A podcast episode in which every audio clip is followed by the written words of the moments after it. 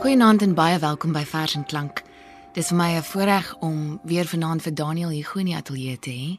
En weer eens met 'n bundel wat jy uit Nederlands vertaal het, Daniel. Ja. Ja ja, dit is die singende wêreld van Mark Tritsmans. Dit het einde 2019 verskyn by by Naledi. En ehm um, dis weer deur 'n Vlaamse digter. Mark Ja. Tritsmans is 'n Vlaamse digter. Hy is Vlaams inderdaad. Wat is die wat is die grondslag van van Tritsmans se gedigte? Tritsmans is 'n wetenskaplike en 'n milieubeampte in uh, België, in Vlaandere. So sy gedigte gaan meestal oor die natuur en die mens se posisie in die natuur, veral die mens wat die natuur bedreig natuurlik. En uh, hy is baie bewus daarvan dat die aarde en die heelal is ewig terwyl die mens maar baie kortstondig hier op aarde is, maar in die kort tyd wat hy hier is, rig hy groot skade aan. Sal jy vir ons um, sommer wegval met die met die eerste gedig? Ja, die eerste gedig wat ek wil lees is bekende konstellasies en daarin plaas Tritsmans homself op aarde en uh, ook eintlik in die hele heelal. Ek is 'n man uit die noordelike halfrond en wil nie my noorde van my laat afrokkel nie. Waarskynlik deel ek tog iets met die duwe. Huisves ek 'n oudmodiese kompas in my kop want waar ek ook al neerstryk, begin ek in die donker vasberade soek na bekende konstellasies. Fluisterstemme van verre voorouers, jagters, reisigers, dringend in my oor dat niemand sonder plekbepaling werklik kan bestaan nie. My voete wil altyd weet waar hulle hul presies bevind. Beveilig en geaard, ook al dwaal ons almal stuurloos te midde van ontelbare heelalle. Daniel in die in die nawoord wat Eve Tune geskryf het, ehm um, praat hy juis oor hierdie hierdie hinkering na na eenwording met die aarde, 'n soort aardse mistiek of 'n letterlike verlange om van die aarde te wees. En terselfdertyd wil die mens aan hierdie werklikheid heeltyd ontvlug, van die swaartekrag loskom en en afstand neem van die aarde. Iemand het eendag gesê die kriteria van 'n goeie gedig is dat dit van teenstellings onskynlike teenstellings een kan maak en daarvan is hierdie is hierdie bundel vol. Ja, ja, die paradoks. Ja. Dit word dikwels beskou as die essensie van die poësie, ja, die paradoksale stelling, die skynbare teenstrydigheid, ja. Ja, ja. Ja, en uh, om los te kom van die aarde, kyk hy na die maan byvoorbeeld, dis nou die naaste hemelliggaam en hy skryf die volgende gedig daaroor.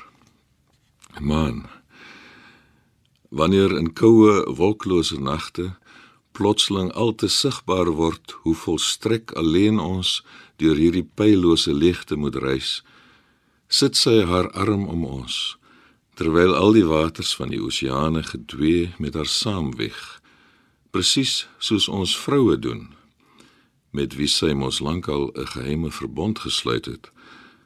Hulle neurie en bloei selfs saggies saam op die ritme van haar traadans wat die aarde laat rimpel en trill en onhoorbaar vir ons ore uit haar die suiwerste grondtoon kan lok.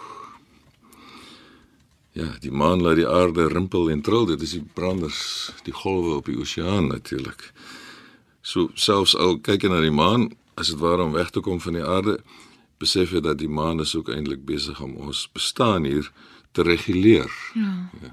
Die grondtoon waarvan daar sprake is, agter in die bundel is daar so 'n paar uh, verklaringe en hy verklaar grondtoon daar is die laagste toon wat iets soos 'n stemvurk kan voortbring.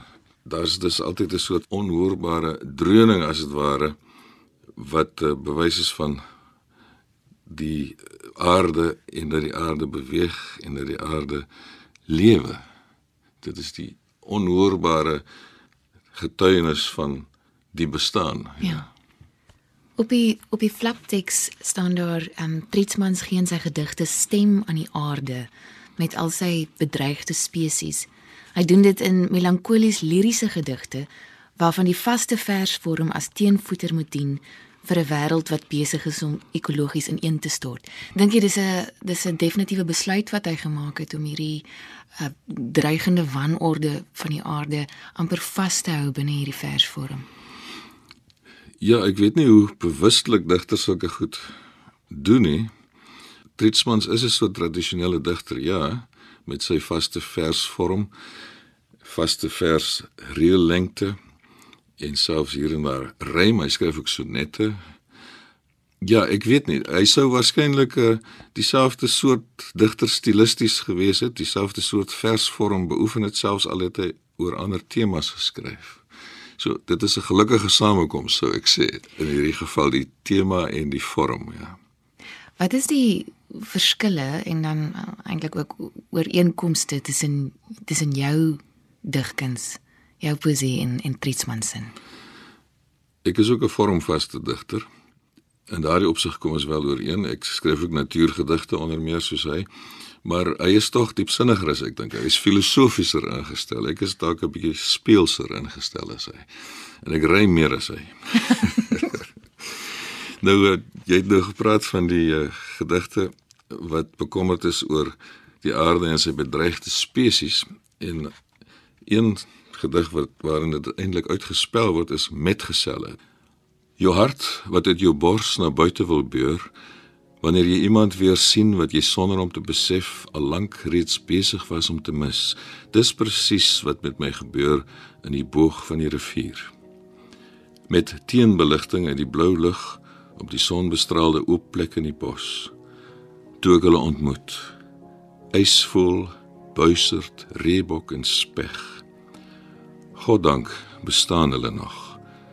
Hulle het daarin geslaag om tot nou toe uit ons kloue te bly want dit is daardie allerlaaste dag wat ek bovenal vrees waarop geen enkele dier meer te sien of te hoor is nie. Slegs die luidrugtige gebalk die doellose geknoei van my eie dwaase soort.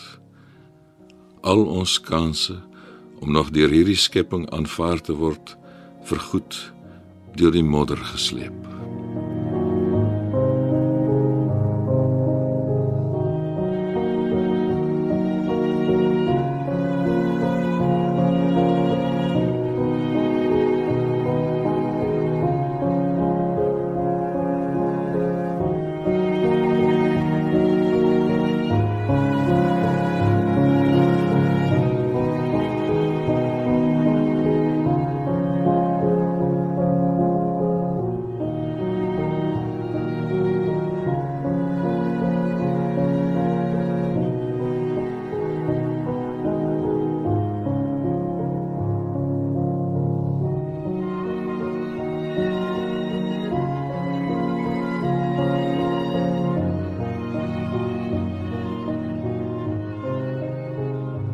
lug. Gelukkig besef ons nie voortdurend hoe wankelend en hulpeloos ons lewe lank balanseer op die rand van versmoring nie. Want elke 5 sekondes maak die brein onopvallend alarm. Trek die middelrifspiere saam, ontvou die warm blaasbalk van ons longe. Luister daarom af en toe verwonderd na die sagte geruis en voel die presiese oomblik waarop in jou diepste self die wonder plaasvind. Meer as 10 keer per minuut word wat eers buite was, heeltemal binne. Gryp longblaasies vinnig en presies wat nodig is, neem afskeid van wat ons liggaam as oorbodig ag. Dag en nag word ons omarm en omhul deur die onsigbare, altyd beskeie metgesel wat ons selfs bystaan as ons verlaas, bang en sinloos snak na asem. Dit is dan 'n uh, eh, Mark Tritsman se gedig uit die bundel Die singende wêreld. En uh, Tritsman is 'n milieubeampte, hy is bekommerd oor die besoedeling van die aarde, die mense wat die aarde verwoes. En in hierdie gedig gaan dit dan oor die lug wat so maklik besoedel kan word. En om die rede het hy al twee maal geweier om na Suid-Afrika te kom. Hy's uitgenooi na verskillende kunstefeeste hier juis om dat hierdie bundel daar bekend gestel kan word en hy het elke keer gesê nee, hy kan nie so ver vlieg nie. Hy kan nie meedoen aan die besoedeling van vliegtuie nie. 'n Waarlike groendigter. Ja, inderdaad. Die singende wêreld en um, iemand het ook daaroor geskryf dis dis regtig gedigte wat wat dans en en sing en waar hy waar hy waag om ehm um, personifikasie te gebruik vir die natuur Ja. en Ja, inderdaad. Ja, hy laat die natuurdinge praat en hy spreek hulle aan, ja. ja. Ja. Watter gedig gaan jy volgende vir ons lees Ek dan? lees graag vuur. Laat ons tog in blywende verwondering op soek gaan na die begin en probeer om te sien hoe hierdie onmisbare ding soos 'n onbedwingbare gees eers aarzelend dan sag sissend uit hout te voorskyn kruip. Die vreemde grens oorskry waar materie omgeskakel word in die vlugtige wese wat ons liggame verwarm. Kyk geduldig en met mededoe hoe 'n boom ure lank, jaring na jaring uit sy geheue put. Ons fluisterend vertel van sy dae op hierdie aarde, van al die sonlig wat in somers lankal deur ons vergeet op sy digte blare dak geval het. Luister aandagtig terwyl hy stilweg verdwyn. Want dit gaan oor stof en as, oor wat verby is en wat kom oor lewe en dood. Want ja, hierdie vuur het ons gered en sal ons eendag ook vernietig. Ja, die vuur is dan eintlik die eh, die tong wat die boom se geheue uitspreek as dit ware terwyl hy brand. Dit is een gedagte in die gedig. Die ander gedagte is dat vuur ons verwarm en ons help oorlewe op hierdie aarde en in die koue heelal, maar dat vuur ook ons einde sal beteken wanneer ons soos die boom self ook veras word. En hier maak hy weer daai twee goed een.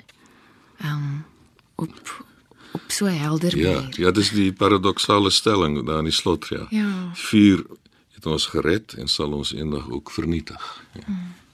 Daniel, wat gaan jy volgende vir ons lees? Taal hierin stel Mark Tritsmans die taal voor as ook 'n soort natuurding. Is hy noem dit 'n gonsende atmosfeer. So die en hy sê die taal bestaan eintlik buite die mens om. Dis nie die mens wat die taal gemaak het nie, maar andersom eintlik. Taal soos 'n tweede ewe noodsaaklike en altyd gonsende atmosfeer lê dit reg rondom die aarde. Ook as ons nie praat of skryf nie, borrel sy onafgebroke uit ons op. Alle lug wat ons inasem, stroom skynbaar weer as taal na buite. Geen enkele gedagte bestaan sonder haar nie. En nie die mens het haar gemaak nie. Sy het op haar eie die mens gemaak. Hierdie reddelose dier wat aan die dood dink, wat steeds bewus van die uiteindelike sinloosheid tog maar bly probeer om daarvoor 'n paar woorde te vind omdat selfs net 'n bietjie bestaan beter is as die ewige nie bestaan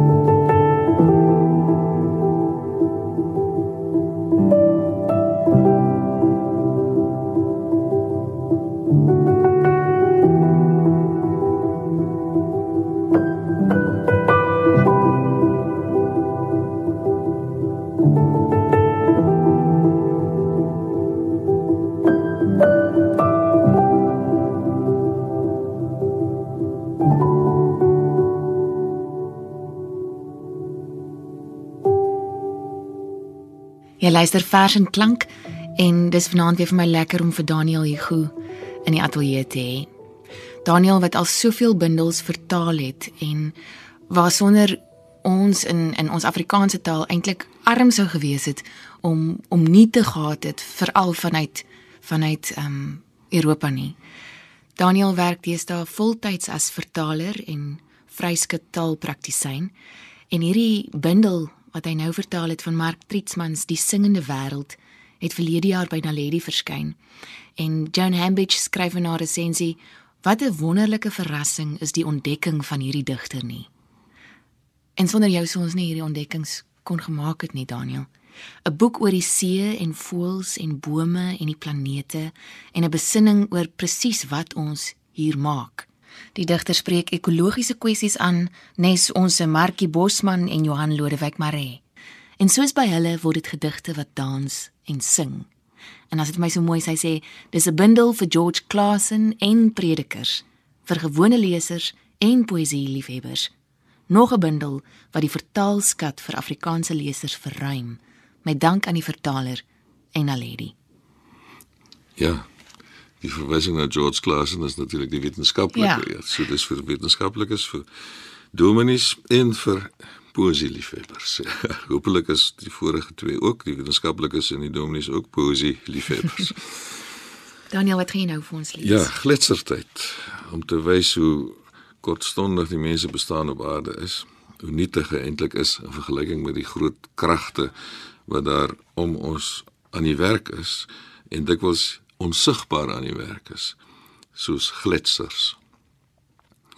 Gletsertyd Omdat ons oë slegs beweging sien, geskik vir die maat van ons klein breekbare bestaan wat opvlam en dadelik uitdoof, lê die miljoene tonne wilde water hier skynbaar getem aan 'n ketting, 'n film waarvan die beeld gevries het. En tog beweeg dit hier onsigbaar. Knars dit in stilte, skuur dit teen wande, verpoeier rotse mal onverskillig berge fyn. Ons getrou kom ons hier jaar na jaar soos in 'n laaste ritueel. staan woordeloos en kyk. En wat ons sien is telkens dieselfde koppige en roerlose rivier van gestolde tyd wat onbewoon na ons kyk en in 'n oogwink sien hoe ons krimp, verskrompel, verdwyn is weer die personifikasie van 'n natuurding. Ja. Die mens kyk na die gletser, maar die gletser kyk ook terug na die mens. Ja. En dit is eintlik een van die van die moeilikste tegnieke wat ehm um, wat maklik 'n 'n gedig kan kan kan maak of breek. En dis hoe hy die die spanning tussen die mens en die natuur die hele tyd aanstip die die son word soos 'n moeder en die liggaam kry kos soos 'n hond. Ehm um, in ander in van sy ander gedigte. Daniel, iets wat my opgeval het op die flapteks van die begin af en dis hoekom ek so geïnteresseerd was in die bundel, dis seker maar so met ons mense. Um daar staan Tritsmans verwoord telkens 'n epifaniese ervaring. En epifanie beteken 'n onverwagse alles openbarende insig, amper as mens in liminale ruimtes beweeg. Ek ek weet mense sê in godsdienstige kringe, hulle praat hulle van dun plekke waar die waar die natuur en die gees naby is. Epifanie stel ons in staat om om anders te kyk, maar juis omdat dit so ehm um, vlietend van aard is. Ja, die epifaniese oomblik is altyd vlietend van aard, maar jy kry tog dan 'n insig in die ander, die gans ander, die sublime selfs. En Mark Tritsmans verwoord dit in 'n hele aantal gedigte in hierdie bundel en ek wil een daarvan lees, Die uile. Op 'n dag in die hart van die somer, toevallig hier aangeland. Die stoepdeure wyd oopgegooi na hierdie uitsig oor 'n vallei sonder mense. Met aan die oorkant 'n donker beboste helling wat my sonder rede laat dink daar hou uile hulle ongetwyfeld skuil. En die nag sit ons saam in 'n ondeurdringbare duister. Bo ons koppe lê die melkweg ons die sweye op. En op die goddelike uur begin hulle skielik na mekaar te roep daar in die verte. En dit klink so helder, eensaam en weemoedig dat dit voel of dit onsself is wat daar aan die oorkant uiteindelik ons eie stemme gevind het. Dis pragtig. Dit is baie mooi, inderdaad, ja. Ja, so die mens, die Melkweg, die heelal lê die mens die sweye op, maar hy vind dan weer sy stem in 'n natuurding, in die uile. En eintlik sê Tritsmans ook dat die aarde sou beter daaraan toegewees het sonder die mens. en uh, dit sê ook op 'n manier in 'n gedig skildery sonder mense en dit kom uit die laaste afdeling van die bundel wat handel oor sy pa wat 'n amateur skilder was. En uh, dit gaan ook eintlik dan oor sy die dood van sy pa. En hierdie is 'n soort herinnering. Skildery sonder mense. Die wit gekalkte plaashuis met groen luike. Die sonnige pad met waaibome weerskant Die wit wolke bewegingloos in blou lug. Maar dit is slegs wat die verf vertel. Jy hoor die spanraam saggies kraak omdat dit die magtige somerdag omsluit toe ons almal daar in die hitte van die trillende polder aan die skilder se sy gestaan het. En hierdie landskap leeg en sonder mense saam met hom sien terwyl hy al skilderend presies die onsigbaarheid wou vasvang. Ons daar wat saam met hom gulsig kyk lewend. Sodat dit nooit verby sal gaan nie. Maar dit het verbygegaan. En ons moet dit hier en nou sonder hom sien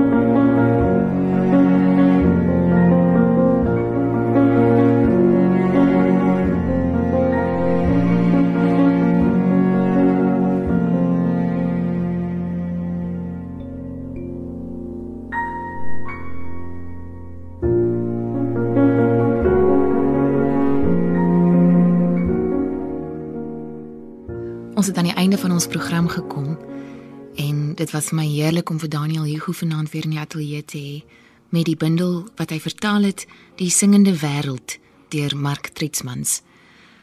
Alma de Plooi skryf in haar resensie essay oor hierdie oor hierdie bundel. My oorkoepelende indruk is dat die vertaalde gedigte pragtige gedigte op hulle eie is dat hulle inderdaad sowel die bespiegelende toonaard en mistieke inslag as die vorm van die oorspronklike gedigte vasvang en weergee. Dit beteken dat Hugo die moeilikste aspek van poësie vertaling beheer, om naamlik die nuances en die dinamiek van die gedigte oortuigend te kan oordra. En dit is nie maklik nie want Tritsman se werk het 'n byna eteriese aard. Die mens is van hier en nou. Hier is die dinge wat hy nodig het, wat hy waardeer, wat hy geniet, wat hom verwonder. Maar tog bly die mens 'n vreemdeling. Hugo slag werklik daarin om die toonaard van die gedigte te behou, rustig, oorwoe met 'n intensiteit wat die leser meevoer. Daniel, dankie vir al die vertalings wat jy doen. Vertaling kry nie altyd die uh die die aandag wat wat ander werk kry nie, maar tog verruim dit ons ons woordeskat en ons um ons literatuur geweldig. Dankie daarvoor. Wat is die laaste gedig wat jy vir ons gaan lees? Ja, ek uh, lees graag die titelgedig Die singende wêreld. Laat hierdie wêreld na ons verdwyning stadig haar asem terugkry. Haar talle diep wonde lek. Al wat gemis sal word is dat ons die enigstes was wat haar en alle sigbare denkbare dinge 'n naam kon gee sodat na ons alles naamloos en sonder erkenning verder sal moet bestaan. En hoewel al ons wanklanke, al ons sinlose en doellose kabal in die niet opgelos sal wees. Sangluister, nagtegaal en klein karakiet op nuutel hoë lied sal aanhef. sal ook vir ewig bly ontbreek wat towenaars soos Bach en Beethoven eens so wonderbaarlik aan hierdie singende wêreld toegevoeg het.